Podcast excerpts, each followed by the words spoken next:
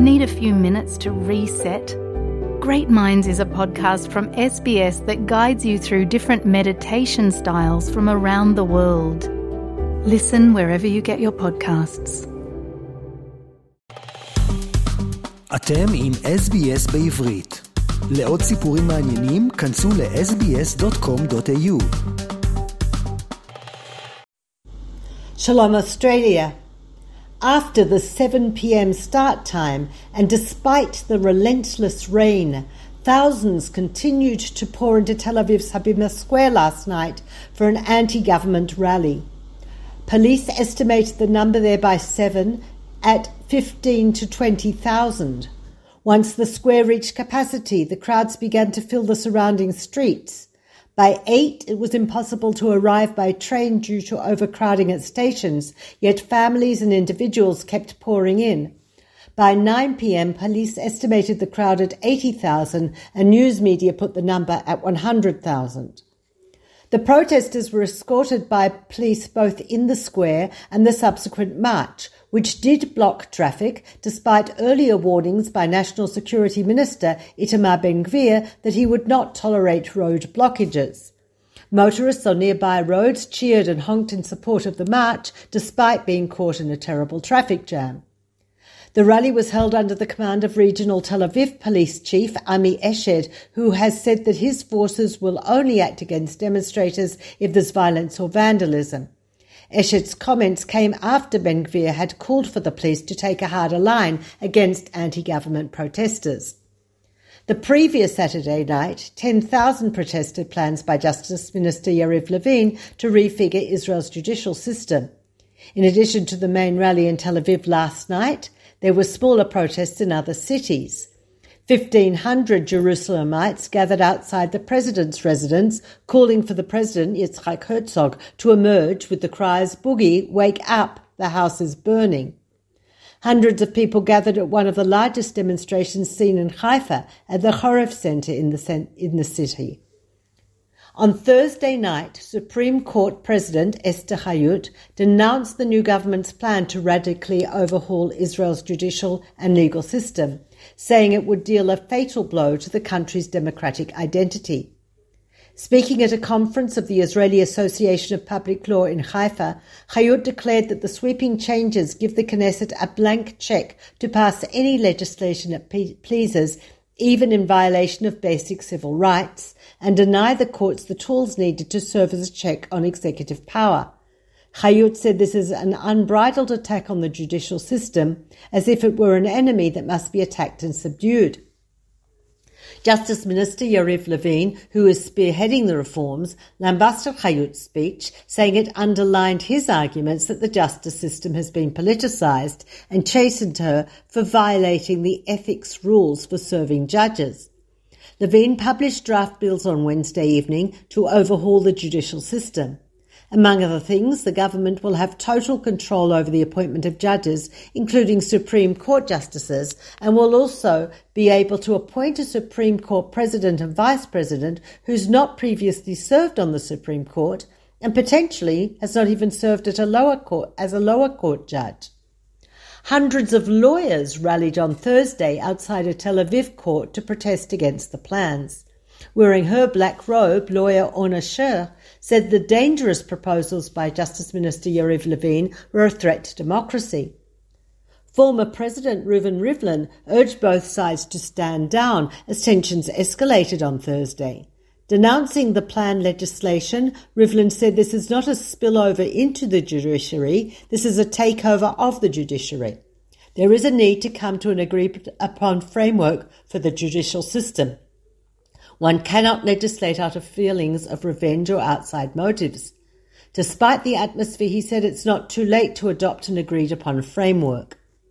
On Thursday night, opposition leader Yair Lapid gave Justice Hayut full back- backing, saying the opposition would stand by her side in the struggle for the soul of the country and the attempt to dismantle Israel's democracy. Prime Minister Benjamin Netanyahu on Friday rejected criticism of his government's plans for sweeping judicial changes, despite the fact that in 2012 he opposed such changes. Netanyahu argued that the right wing discussed this before the elections and we received a clear mandate for the public. He said the amend- amendments need to be made responsibly and with discretion while hearing out all positions, and that's exactly the process that will now be carried out in Parliament. IDF Chief of Staff Aviv Kochavi denounced the government's plans to restructure the military authority in the West Bank in a series of interviews published on Friday, days before the end of his term as army chief. Kochavi issued a warning that efforts by the new government to split off parts of the responsibilities from the defense ministry to religious Zionism leader Bezalel Smotrich, including authority over civil affairs in the West Bank, would damage the IDF's command structure and hamper its battle readiness. He also criticised plans to take away control of the border police from the Israel police and to place it under the direct control of National Security Minister Itamar Ben-Gvir. He said that the work of the bo- that the work that the border police is doing in Judea and Samaria is excellent, and I hope that the situation remains just as it is today. The chain of authority needs to be preserved. Transportation Minister Miri Regev announced on Wednesday that maintenance carried out on the public intercity rail system over Shabbat will be reduced following demands from the Haredi parties in the coalition. Some of the na- maintenance work scheduled for Saturdays will be spread out over weeknights to ensure that only crucial work necessary for the safety of passengers is carried out on Shabbat. Isa Adin Bassem Hamamra, 24, and Amjad Adnan Khalilia, 23, members of the Palestinian Islamic Jihad, were killed after they opened fire at Israeli forces in the northern West Bank yesterday morning.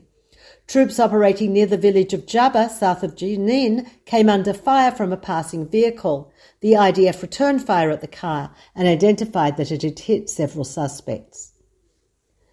The Knesset's House Committee, headed by Likud MK Ophir Katz, approved on Monday the process for fast-tracking bills seeking to revoke the Israeli citizenship of or residence of convicted terrorists who receive payment from the Palestinian Authority for their actions.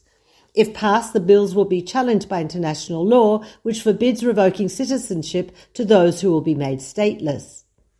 The Palestinian Authority Foreign Minister Riyad al Malki said last Sunday that Israel has revoked his travel permit. The Israeli government last Friday approved the steps to penalize the Palestinians in retaliation for them pushing the UN's highest judicial body to give it, its opinion on Israel's control of the West Bank. 70 year old Chaim Boaron said yesterday that it was a miracle that he escaped when his car was pulled into a sinkhole in the city of Hod HaSharon. Police said the sinkhole was the result of a malfunction in the underground water infrastructure. Boaron said everything happened in an instant. The front wheels fell into the sinkhole and I ran out of the car. If I hadn't, I would be inside the sinkhole now. In recent months, sinkholes have appeared in several locations in central Israel. In September 22, a large sinkhole opened up in the major Ayalon highway in Tel Aviv, shutting down the highway completely for hours and leaving the main exit shuttered for two weeks. In November 22, a sinkhole appeared in the parking spot between two buildings in Hod Sharon, and also that month, two other sinkholes were discovered on roadways in Tel Aviv. Eight ostrich eggs dated between 4,000 and 7,500 years ago, have been discovered during excavations in the south of Israel next to a fire pit. The eggs were found during an Israel Antiquities Authority archaeological dig in the agricultural fields of Moshav Be'er Milka on Thursday, Lauren Davis, the IAA's excavation director, said this is a very important find that, with the help of modern scientific methods, can teach us a lot about the nomadic people of the desert in ancient times.